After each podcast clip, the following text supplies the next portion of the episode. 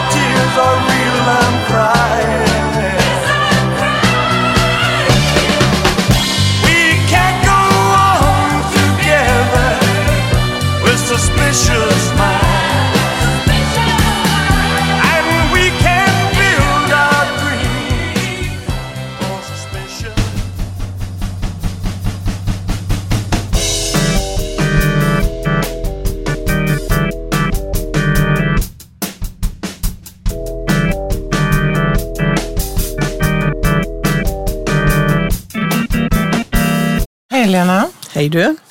Idag ska vi röra oss i paranoians värld. Oj då. Mm. Vem kan man lita på? Det kan bli obehagligt. Det kan bli mycket obehagligt. Jag tänker att att vara paranoid är ett enormt jobbigt tillstånd. Att inte veta vem i hela världen jag ska lita på. Att jag ehm, eh, tänker att andra människor har motiv att göra mig illa på olika sätt. Och jag tänker också idag, är det inte så Lena, att vi lever... Alltså Christopher Lasch, han skrev ju den här boken som vi har pratat om, eh, att vi lever i en narcissistisk kultur. Det pratade vi om när vi var in, hade poddade om eh, narcissism. Men frågan är om vi inte idag också lever i en mer och mer paranoid kultur. Jag tänker att vi är varenda dag nu, jag tänker också beroende på den liksom, krigssituationen i Ukraina och så att vi uppmanas att, att liksom tänka kritiskt kring nyheter, att lyssna in, att inte tro allting vi hör eller säger. Och jag tänker att vi alla har ju liksom en, vi kan alla bli paranoida. Och kanske är det en sån tid vi lever i nu. Det var Ja. lite intressant för att parano, eh, eh, ja, Freud redan då pratade väl om att paranoian är väl någon form av återgång till en narcissistisk period i livet också. Alltså det är en regression till ett väldigt tidigt stadium. När eh, barnet är narcissistiskt, eh, sig själv nog om man säger så. Så det hör ju ihop på det viset. Och kanske den här paranoian som vi ser nu, som jag tänkte att vi kan ta några exempel på. Det är ju också det här att, att den växer i takt med polarisering i samhället. Alltså någonstans när människor inte känner sig trygga. När man inte litar på att saker och ting blir bra för mig. Alltså att jag får eh, att jag, att jag kan skicka mina barn till skolor som blir bra. Att jag inte kan lita på att jag får en dräglig pension. Att eh, jag inte... Ja, att min trygghet liksom skakar i grunden. Då, och det finns en oro. Då ökar ju jordmånen i ett samhälle för polariseringar och paranoia. Och faktiskt Melanie Klein skrev väldigt, väldigt fint om det här i en hon, skrev, hon refererar till arbetslöshet i sin, takt, i, i sin text. Men man tänker så här att är det så att vi långsamt demonterar vårt, våra välfärdssystem så är detta ett naturligt svar. på det. Det vill säga det jag pratade om nyss, när man är, inte kan liksom lita på omsorgen och hållandet från samhällets sida. Att det finns en grund. Om jag faller så är det någon som tar emot mig. I kombination kanske med en enorm digitalisering som har sprungit förbi många människor, Mm. framförallt äldre. Att man inte man är inte med på, på banan längre. Nej. Det skapar en enorm otrygghet och osäkerhet. Och, och då kan man ju få för sig att man är utsatt för någonting utifrån. Att man är liksom utvald. Att någon, att man, känns, det känns som att någon gör en illa helt enkelt. Mm. Annika Koster och Lena Lundqvist är socionomer och legitimerade psykoterapeuter. De är verksamma vid Göteborgs psykoterapiinstitut. De pratar på om psykoanalytiskt tänkande och psykoterapi. Jag läste en artikel av en svensk läkare. Jag tror han är svensk i alla fall, men han, han verkar i USA. Och han skrev en artikel om att den kliniska paranoian, alltså människor där paranoia är liksom ett livsproblem och hindrar deras liv, har gift sig med den politiska paranoian idag. Också genom vårat eh, sociala medier och så. människor med pa- paranoida drag dras ju lätt till politik och liknande eftersom det alltid, har, även förut naturligtvis, har varit polariseringar i de I ont och områdena. gott. Ja. Ja. Det är de som är dåliga, det är, de, det, är de, det är den regeringen som var dålig, det är de partierna som är dåliga, inte mitt. Ja.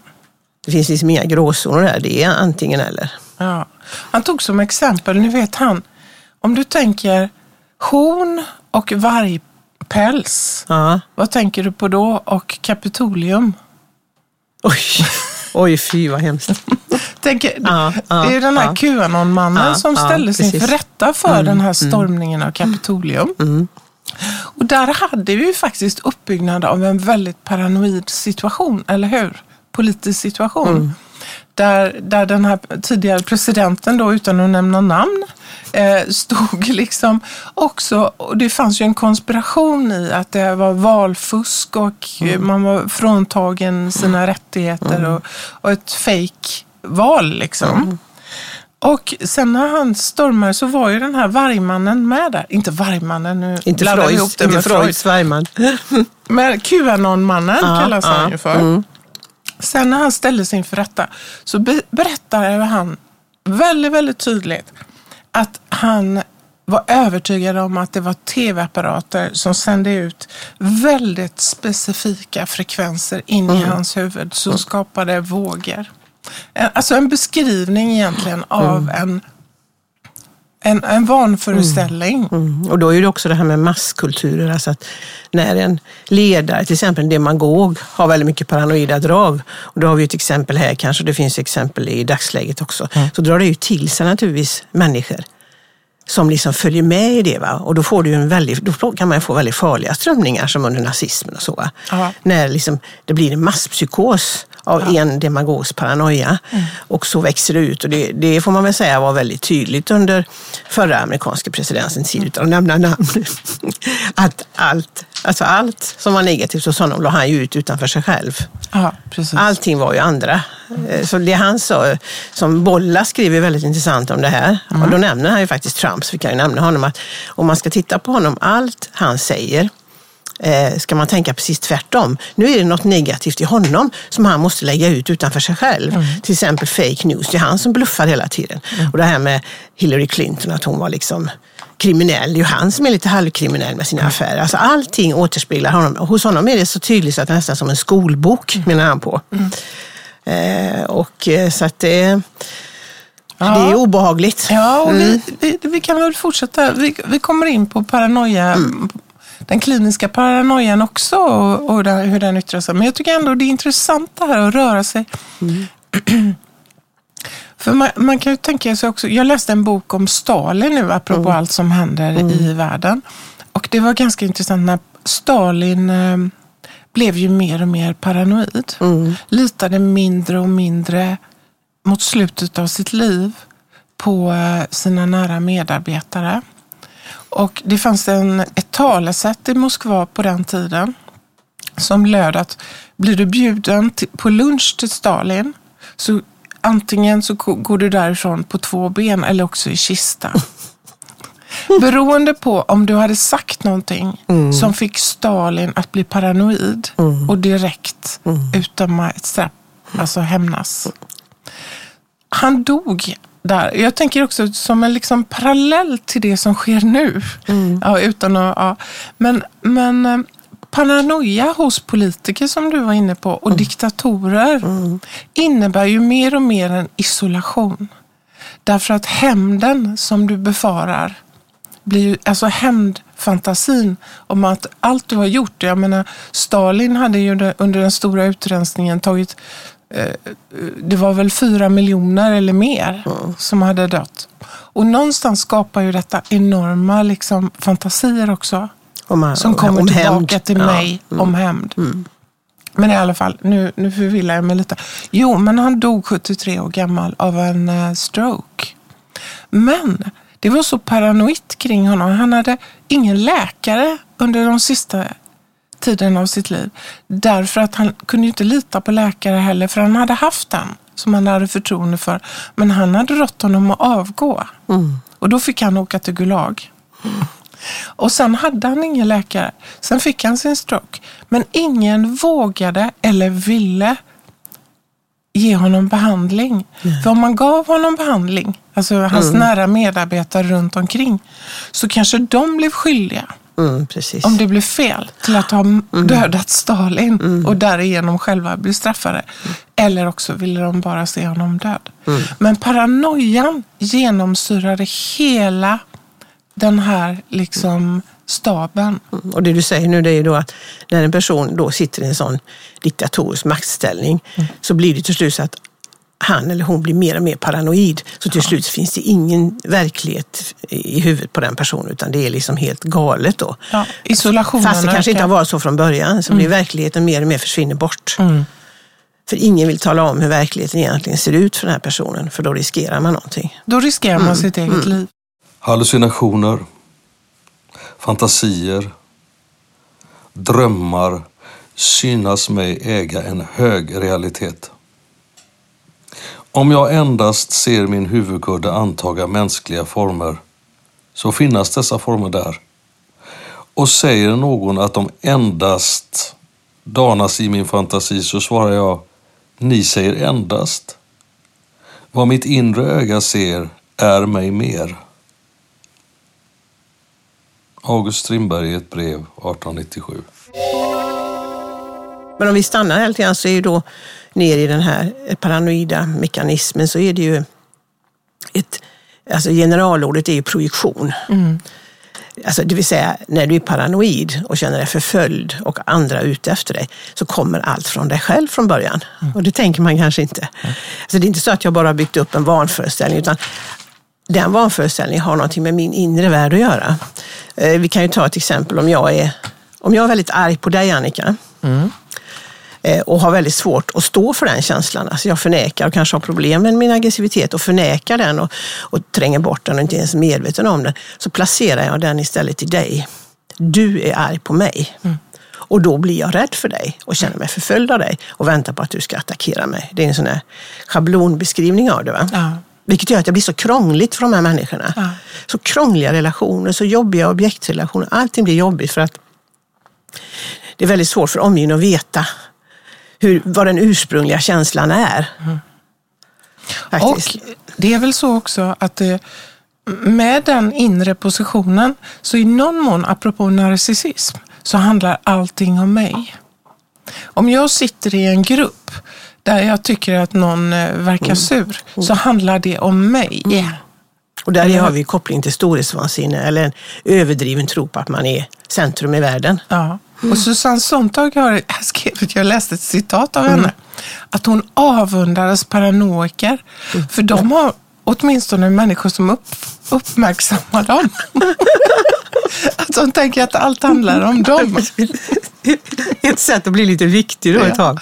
Ja, på något sätt är det ju en laddning av Och mig. det påminner ju också om den djupt melankoliska människan ibland kan man säga. Att det finns en, en koppling där lite också. att jag är sämst i hela världen och alla människor tittar på mig som om jag är sämst, som om de, har fullt, de kanske har fullt upp med andra saker och tittar på mig.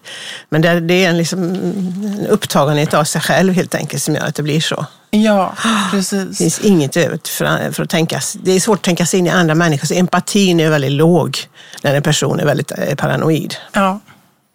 Och, och som du är inne på där, det- det här med att, att på något sätt så handlar ju detta, vi får gå tillbaka till Klein och den schizoparanoida positionen. Det här som vi har pratat om många gånger. Den här, den här positionen som hon tänker sig och vi tänker oss också att vi föds alla in i. En, en inre position där vår överlevnad står på spel och där, som är färgad i svart och vitt. Och den positionen bär vi ju med oss, vi repeterar lite nu, men den bär vi ju med oss resten av livet och har också mycket bra. För den, det är också en, en inre position som förmår oss att skilja ut saker och ting. Ibland är det ju faktiskt väldigt viktigt att skilja ut vad är bra eller inte bra för mig. Så hela den här liksom, men det är den positionen och det är också den positionen som är aktiv i när det gäller paranoia.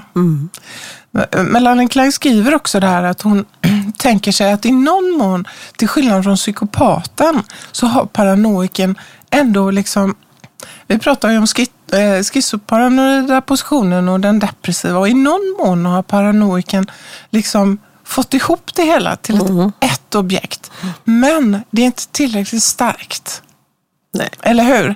Så att man kan identifiera sig med det. Så det finns alltid tvivel. Och Mm. En viss förvirring mm. Ja, en viss förvirring, ja. Mm, kring identitet och sådär, Ja. vem man är. Men Freud hade också varit inne på detta Mm, innan. mm, jag tänker, jag tänker på att Klein är väl också det här, om man ska gå riktigt långt tillbaka, så är det väl egentligen den här eh, punkten man tänker på, det är den här spädbarnet som Klein kallar för oralsadistiska attack på mamman. Det här som har pratat om, att vilja ha allt gott som mamma har och vilja in i henne och därmed också vilja trycka in sig själv i henne på något sätt. Och, där, och, och, och om man då så att säga har känt att man har varit väldigt starkt sån och då har man ju också så- en känsla av att man kommer att bli Hämnd. Hämnd. Ja. Det kommer att komma hämnd från mamma. Va? Ja. Och där har vi grund, ursprungsproblematiken. Rörelsen. Ja, så liksom. därför är det återigen viktigt det här, alltså bions eh, härbärgerande funktionen tidigt i livet är ju väldigt avgörande också. Det är klart det finns andra faktorer också, men det finns någonting tidigt här som kommer att påverka hur pass mycket paranoid du blir eller inte. Jo, men Freud hade ju, det var ju han som började sent 1800-tal, så slog han ju fast att, att paranoia är, är liksom eh, eh, en försvarsneuros, på något sätt, ungefär eller försvarspsykoneuros tror jag han kallar det för jämfört med hysteri och tvångsneuros då, som, som liksom eh, eh, handlar om att man har trängt bort minnen som kommer upp i sjukdomen istället i symptomen. Så att de här symptomen är direkta, nästan avbilder av ett ursprungstrauma menar han ju, från barndomen. Så jag gör också den kopplingen som Klein då jobbar vidare på sen, att det har med barndomen att göra. Eh, och eh, ett slags förnekande av någonting som kommer i, i sjukdomen istället. Och, eh, men det som är så finurligt med Freud är att han menar ju på att symptomet, alltså de här olika galna fantasierna och föreställningarna om vem som ska göra det ena, vem jag är förföljd av och så vidare, de är en direkt rekonstruktion av en infantil barnupplevelse. Så att han menar ju på att, eller Sjögren skriver om Freud där, att det är fantastiskt. Han menar på att själva sjukdomen är ju då en form av en, en, ett, sätt att bli frisk. Att det är ett sätt att uttrycka någonting. Man kan inte uttrycka det på annat än psykotiska då, man säger. Man kan inte uttrycka det i vanliga ord. Man uttrycker sig, så här hade jag det, eller det här har jag upplevt. Nu vill jag ha en förändring. Så att något på något, och, och det finns ju ett fall där med Freud som jag kan nämna lite grann som heter Schreberfallet. Mm, berätta om det. Och eh, det, det är ju en av hans fallbeskrivningar och det bygger ju på en, att han har gjort en form av analys av den här Schrebers paranoia utifrån en bok som Schreber har skrivit. Så han har alltså aldrig träffat eh, Paul Daniel Schreber, tror jag han heter. Han har aldrig träffat honom. Och den här eh, Schreber, han är ju inlagd på mentalsjukhus i olika perioder och i en period så skriver han en bok, det är rätt intressant, om vad- sina vanföreställningar. Just det. Eh, en, eh, vad var det, en, eh, Vad hette den? Var- eine Nervenkranken eller något sånt där. Ja, tänkvärdighet. nervsjuksbetraktelse. Ja, tänkvärdigheter från en nervsjuk Ja, eller något. ja. Och där försöker han ju bli myndigförklarad, för han blir andra gången han är inlagd så blir han omyndigförklarad. Så han driver, alltså dels en, vilket också är vanligt hos paranoiker, att driva rättsprocesser. Han driver en rättsprocess för sig själv, att bli myndigförklarad. Han blir också det sen och blir utskriven. Och samtidigt beskriver han alla de här fruktansvärda paranoiska fantasierna han har. Han har alltså eh, för sig att han har att han redan är död, att han, är, att han har ruttnat, att han har ätit upp sitt eget struphuvud, att han inte har några lungor, han har inga... Alltså, Och han försöker till och med ta livet av sig, vilket är ovanligt hos paranoiker. Så att han har en enorm paranoia kring sin kropp, att han ska bli utsatt för manipulationer och framförallt av den här läkaren då, som behandlar honom. Dr. Flechsig tror jag han heter. Som, Flechsig, det låter lite...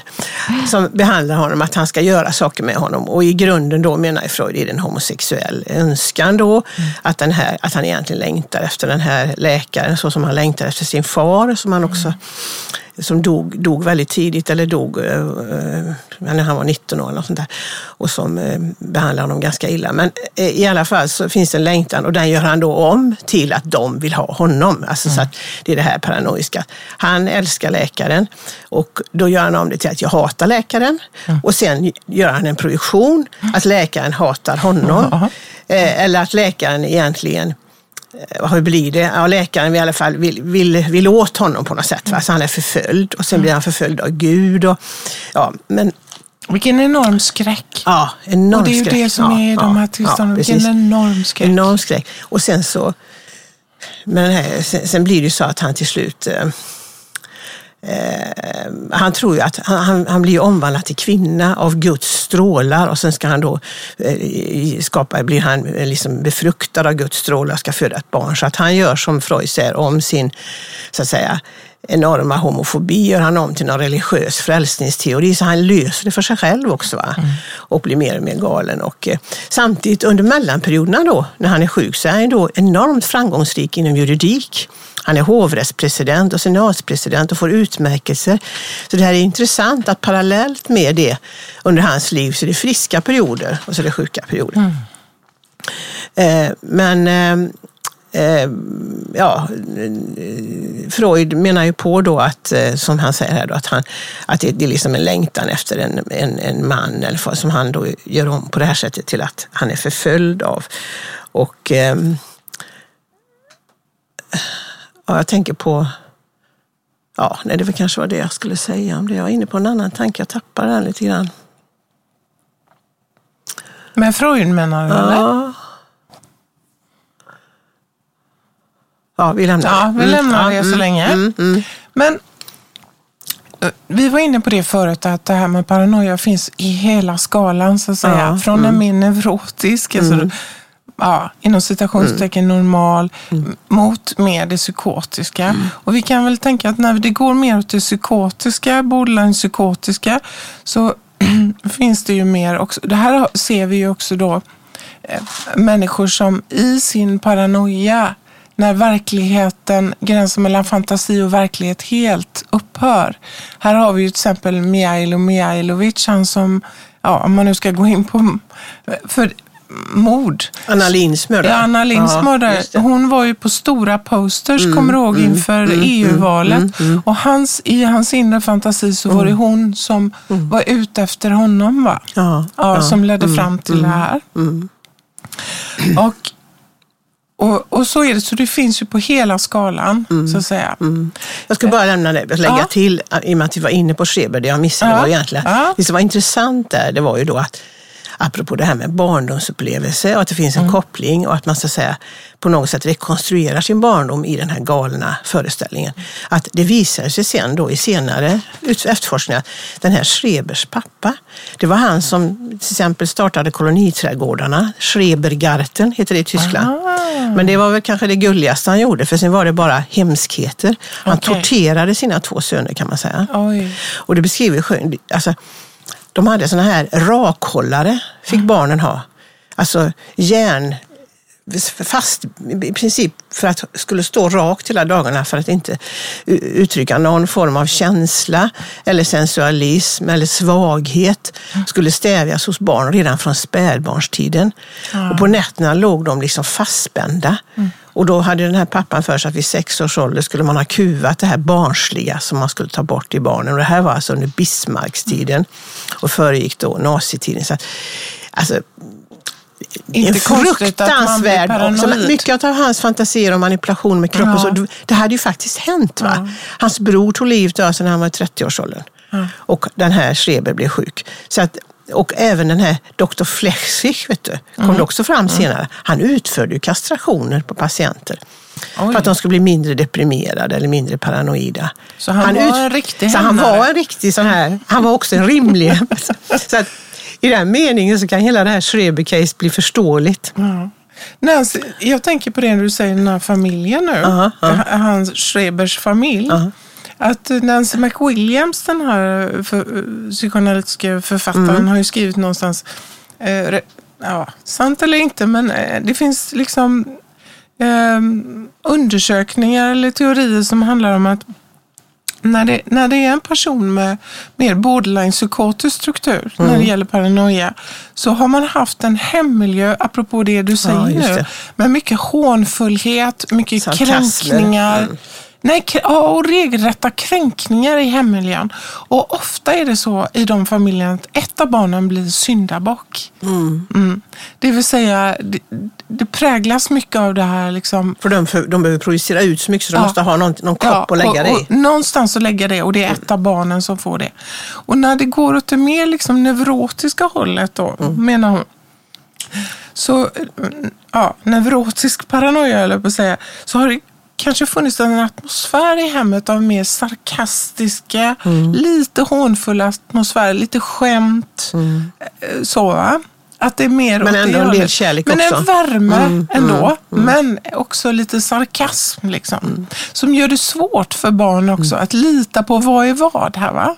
Och det är någonstans det vi pratar om, vad är vad? Mm, förvirring. Att den där förvirringen, att jag inte kan lita på att det som mamma eller pappa säger är, är det hon, eller han säger.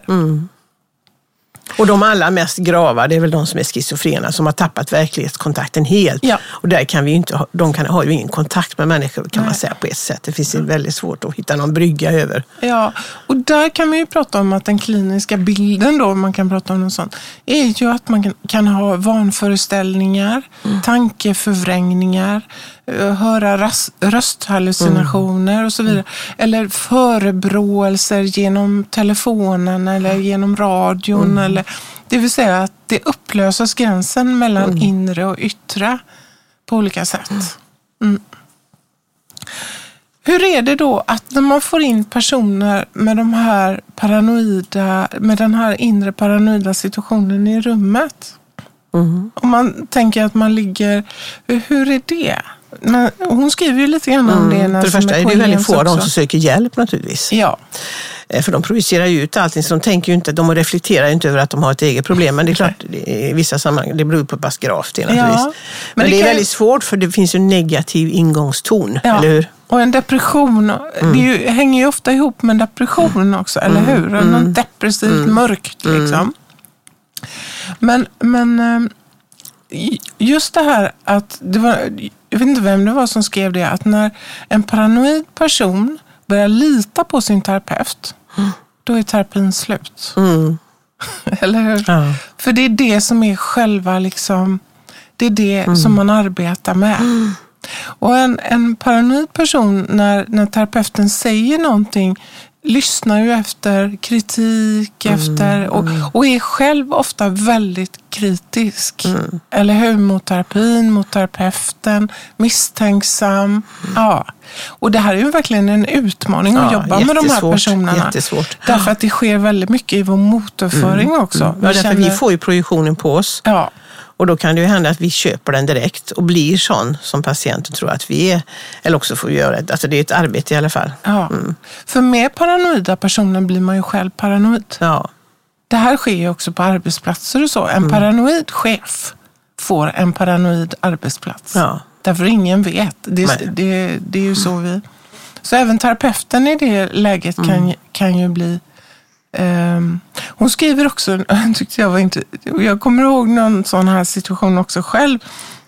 Det här, om terapeuten ger sig in och försöker liksom ta sig an det orimliga i att alla är ute efter patienten. Så finns det ju en risk att terapeuten hamnar, jaha, du kanske är delaktig i det här.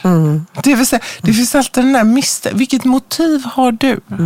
Vilket motiv har du som terapeut? Du kanske är delaktig i den här konspirationen gentemot mig. Precis. Det finns Och liksom... du har ju alltid egna syften. Framförallt Ja. kan det vara att, jag, att vi bara ska tjäna pengar Ja. på dem. Det är det mest simpla. Du sitter Ja. bara här för dina pengar. Du bryr dig inte. Ja. Och sen kan det vara att jag är del av en konspiration ja, som terapeut. Eller att jag, ja. En sammansvärjning ibland. Mm. Ännu en dag. Jag vaknar upp igen. Naken vid min tv som visar jorden.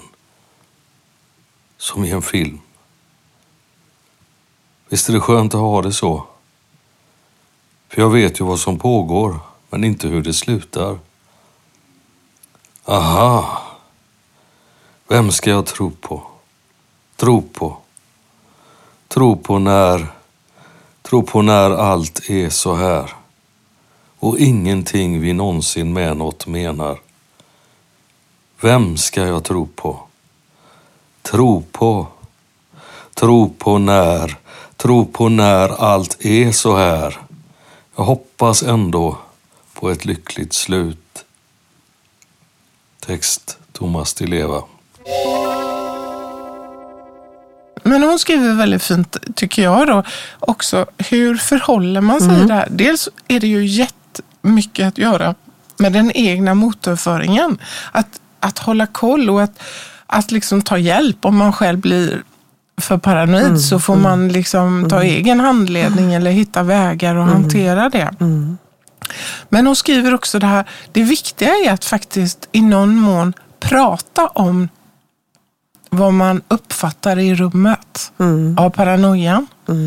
Också för att minska patientens, den paranoide patientens känsla och rädsla för hämnd. För det man kan prata om, jag hör att du blir och så vidare rädd eller tänker att jag är ute efter dig eller si och så. Så länge det, det är något viktigt med att prata om det.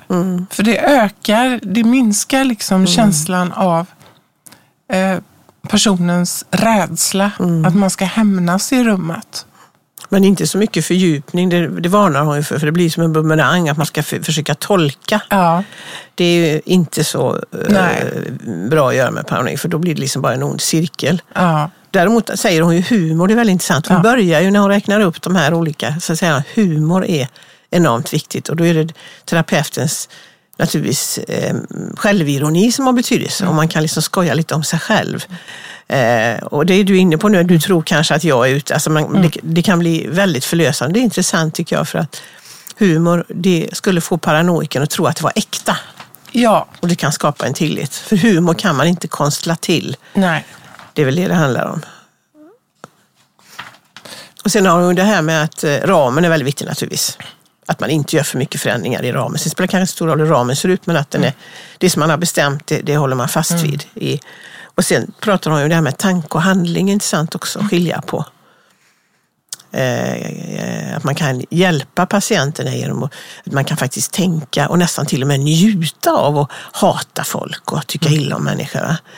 Det, så länge man inte gör något mot dem. Och det tycker jag man har jobbat mycket med, med mm, även ungdomar. Så det här att det är faktiskt en skillnad. Jag kan tänka vad sjutton jag vill om den andra. Jag kan strypa den i fantasin, jag kan döda den i fantasin. Så länge jag inte gör handlingen så, så är det bara min rättighet. Och, och där, där, där säger du någonting otroligt viktigt, för det är ju egentligen det allting handlar om. Ja. Att göra fantasierna, tankarna liksom, som, som kan vara rent av modiska, liksom, tillåtna. Ja. Vilket minskar risk för att personen agerar ut. För det är ju faktiskt så att en paranoid person eh, går ju hellre till angrepp. Ja. När, när, när paranoian kommer och, och en paranoid person känner sig attackerad så är ju risken större att man går till angrepp. Och på något sätt bygga en bro där av tillåtna fantasier.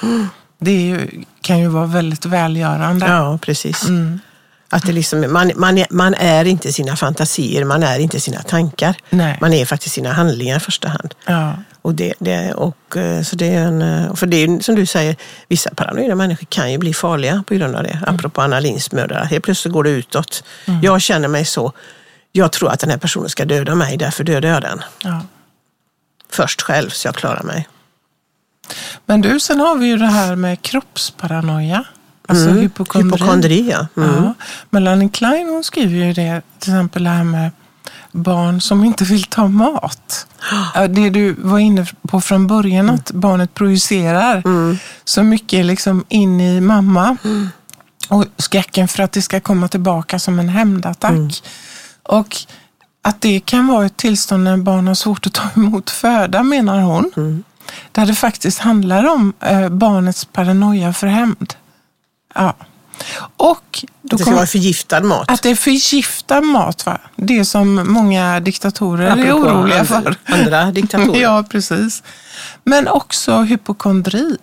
Eller hur? Att, att, att, att livsfarliga substanser ska ta sig in i min kropp och, och förgifta mig och göra mig liksom sjuk. Eller och har tagit sig in i min kropp och gjort mig sjuk. Och det är de här personerna som ofta söker mycket läkarkontakter och så. Och har väldigt svårt att lugna sig. I att nej, men det är okej, det här var ingenting, jag är frisk. Utan Rätt som det är, dagen efter så kommer det en ny fantasi om att någonting liksom har tagit sig in i mig. Och du kan tänka dig hur de, hur de eh, nagelfar läkaren, allt vad, vad läkaren har sagt. Ja, precis. Som kan liksom tyda på någonting. Och här, nu kanske jag drar lite långa linjer, men man kanske också kan tänka här med vaccin. Skräck för vaccin, alltså att få ett okänt medel in i min kropp. Att, att, att en paranoiker har ju väldigt svårt att tänka att det gör mig gott. Mm. Eller hur? Inuti, så att säga. Va? Så- Även, vi har ju annan, ett annat fenomen, svartsjuka. Ja, just det. Och framförallt den patologiska Ja, svartsjukan. För hur är den då? Jo, den patologiska den är ju så, den är ju då helt orimlig. Kan man, det är klart man kan vara svartsjuk och det finns en rimlighet i det. Att det finns, men nu pratar vi om patologiskt som du säger. Och då är det ofta så att den som är väldigt svartsjuk är ju själv lite pigg på kanske att vara lite otrogen. Och så förlägger man det i sin partner till exempel. Det är en vanlig variant. En, sin egen otrohetslust eller längtan efter att träffa någon annan, det förlägger man i, i sin partner. Att hon eller han Ja. vill det. Va? Så det är också en sån här skruvad... Ja, och är inte det så att här finns ett förlopp i patologisk eh, svartsjuka? Att den ökar på. Ja. Alltså kontrollen ökar på mer och mer i en relation, eller hur? Och orimligheterna växer. Eh, det vill säga om kvinnan får, eh, eller mannen, den, beroende på vem det är som är svartsjuk, får något eh, sms. Vad var det? Det- Och så gifter det ihop sig med någon annan tanke. Jag tyckte hon såg glad ut när hon gick på morgonen. Vad var det speciellt? Och var hon glad för? Det var nog inte riktat till mig. Det var någonting annat. Och så vävs de här paranoida liksom väven ihop. Och till, och till slut så, så räcker det att den andra gör en blinkning eller något Ja. tecken på någonting så att det blir bara värre och värre. Ja. Ja, eller hur? Man skapar sin egen paranoia på det viset, ökar på den Ja. genom kontroll. Men du, sen tänkte jag på en annan grej. Jag tänker på det här med, med som är också väldigt aktuellt idag kring gängkriminalitet. Jag menar, jag, det här är bara en spaning nu Lena, men jag tänker så här, va? alla som går med i kriminella gäng är ju kanske inte från början paranoida, men man blir ju det. Ja. Man blir ju tvungen att bli det. Och jag tänker, ibland är det ju så att, att paranoian i en grupp är en spegling av ledarnas paranoia, alltså graden av paranoia. Och ibland är det så att paranoida personer söker sig till verkligt farliga situationer för att få verkliga fiender. Just det, för att skapa en sån situation. Ja. Eller hur? För då är det ju faktiskt på riktigt att jag måste se mig över axeln och ha skottsäker väst. Därför att det är faktiskt en realitet att människor är ute efter mig. Men det är också ett sätt att leva. För jag brukar tänka så här, hur orkar man vara med i ett kriminellt gäng? Mm, Alltså med tanke på att man måste vara så rädd hela tiden. Men för många av dem så är paranoian kanske en väldigt, väldigt välkänd känsla. Mm. Har jag tänkt. Och slipper, då flyttar de rädslan dit istället. Ja, eller hur? Fruktan och rädslan flyttas till den här förföljaren. Kan man, alltså det är bara en Ja, tanke. tror jag, absolut. Det var ju till och med så, vet inte, det är ganska länge sedan nu, du innan när det var så mycket brottslighet i New York. Mm. Tror jag. Sen rensade de ju upp, de hade någon form av nollvision där ett tag. Och, jag vet inte hur många år sedan det Då sa man ju så här att står vid en bankomat i New York, då är det friskt att vara paranoid. Ja. För då blir det snabbt så kunde du liksom bli Ja. fråntagen dina pengar. Ja. Så att det, det, de bygger, precis, det är säkert, det är mycket möjligt att det är så ja. Precis. För det finns ju situationer också i våra liv där det är friskt att vara Ja, paranoid. ja. Vi ska inte lita på allting. Nej, och här är ju. Mm, den schizoparanoida positionen. Att kunna detektera vad, vad är bra här Mm, eller vad är inte bra och kunna urskilja de delarna. Plus att det finns där, tänker jag, att paranoian kan ju vara en väldigt enkel lösning för mig. Det skriver Bollas ganska fint om att vi är ju alla paranoida mer eller mindre, men ibland så istället för att reflektera och för, som vi har pratat mycket om tidigare, gå in på kammaren och grunna lite och fundera och ta sig lite tid, så är det ibland enkla svar på svåra problem att bli paranoid. Det Kommer du ihåg groteskt? Ja. Det är bögarnas fel, den här Ja. som blir så omdiskuterad. Men den är ju genial egentligen. Det kunde varit något annat än bögarnas. Det kunde varit invandrarnas. Eller vad. Man hittar någonting. Och så har man förklarat hela sin värld på det viset. Och så osäkerheten. I, på ett sätt ett enklare sätt att leva, men inte på sikt. Va? Men kortsiktigt ett enklare sätt att leva. Ja, så på något sätt min egen förvirring och min osäkerhet då, Mm. plas- då placerar jag all skuld i en grupp. Så egentligen blir det min identitet. Mm. Och därför tror jag att det också i vår tid, eftersom vi lever i ett mer och mer komplext samhälle, så är detta väldigt svårt för många människor och då här är det ett sätt att lösa det på. Vi ser ju ibland, nästan känns det som, nästan en tillbakagång till stenåldern. Jag tänker på IS och sådana här organisationer. Va? Det är väl kanske ett sätt att lösa någonting som är för komplext för mig. Så förenklar jag det enormt mycket. Va? Hittar en enda fiende eller ett enda hot. Och då kan det vara människor som från början har varit relativt välintegrerade och helt plötsligt så åker de med i någon masspsykos och blir helt enögda då. va? Det, är far, det är farligt, det är en far, alltså paranoian kan vara en väldigt farlig Ja. strömning politiskt i samhället. Ja, därför att det kan ju leda till hatbrott och det kan ju leda till en... Det man pratar om mycket idag, det här att tilltron till demokrati och till myndigheter och vetenskap liksom urholkas. Och, och Det är ju intressant det här med konspiration, konspirationer. För det, det uppkommer ju alltid någon slags känsla, det är ju alltid en grupp, eller hur? Och gruppen anser sig ha bevis för någonting. De bevisen är ju ofta självutnämnda profeter så att säga. Som, det är ju sällan det är dockat ner i vetenskap eller så. Och det är alltid någon annans... Grundfrågan i alla konspirationer det är ju vem kan tjäna på det här? Eller hur? Någon annan utanför, då är det någon grupp.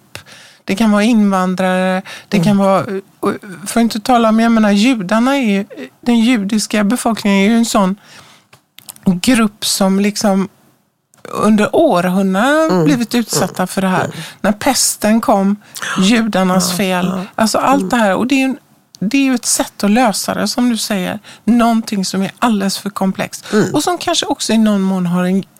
Kärnan i de här konspirationerna är människor som kanske också har en väldigt djup osäkerhet kring sig själva.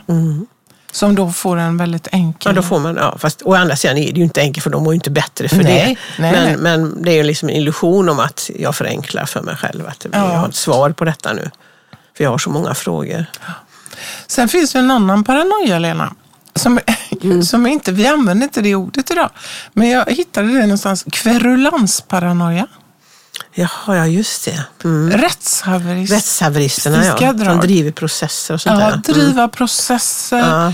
Klagomål Klaga, ja. Mm. mot hyresvärdar, mot myndigheter. Där den där kampen mot Mm. liksom, någon som är, jag upplever som starkare än jag, Mm. den kampen kommer att färga kanske hela mitt liv. Och, och jag driver vidare och vidare och vidare.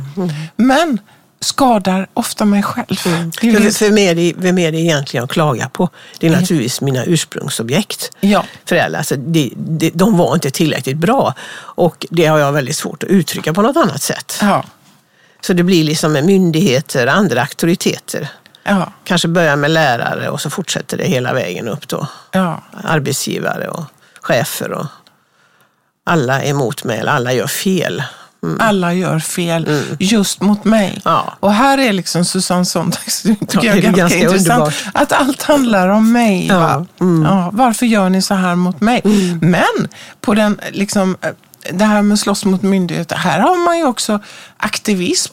All- aktivism. Ja, ja. Det kan ju också vara åt andra hållet, så att säga, mot, mot klimatförändringar.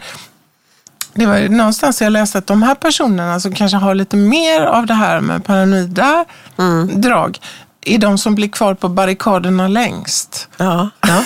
Det skriver Bolla som faktiskt, Ja. han jämför tror jag höger, eh, alltså vi säger då eh, vänster och höger eh, ytterligheter, okej, aktivister. Jag menar bara högeraktivisterna, de, de är paranoida gentemot vänstern att de ska bli attackerade då, om vi säger kanske underifrån om det handlar om Mm. eh, ekonomi och så, mm, pengar. Och vänster, de, de är så upptagna av sig själva så att de, de tror de är oskyldiga. Så de har en helt annan, de har helt olika bilder av sig själva, det kallar han för negativ och positiv eh, paranoia eller något sånt där. Va? Så att ehm, det finns ju säkert i de för att, för att hitta, den, hitta det bränslet för att hålla på år ut och år in kanske det, det krävs en viss paranoia. Ja. Det onda är utanför mig Ja. själv. Jag är Ja. bara god. Ja.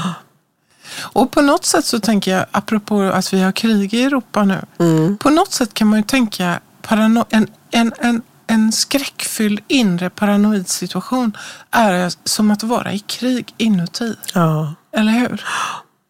Befinner man sig i krig så ska man ju vara paranoid. Ja. Eller hur? För att skydda sitt liv och vara i en överlevnadsmode. Men det finns människor som i sina inre befinner sig där hela tiden. Det, måste, ja, det är väldigt jobbigt att vara paranoiker, paranoisk. Enormt jobbigt. Ja. Ja, Lena, känner du dig paranoid nu eller? Nej, jag Nej, inte kanske jag. vaccinerar mig ner Ja. efter det här snacket. Förhoppningsvis till nästa gång det Ja. dyker upp.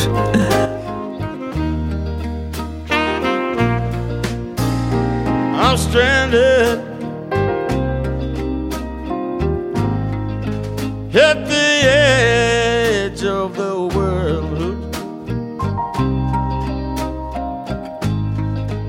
It's a world I don't know, got nowhere to go. Feels like I'm stranded.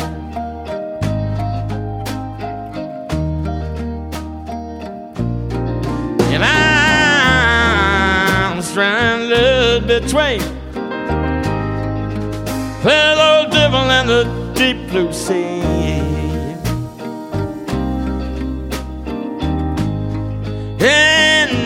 Nobody's gonna tell me.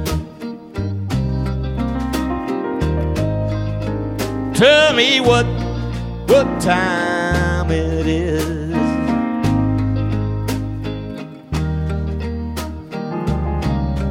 every day, every day. It's hustle, hustle time, hustle time. Every day and every way. One more, one more mountain to climb. It's leaving me stranded, in my own little island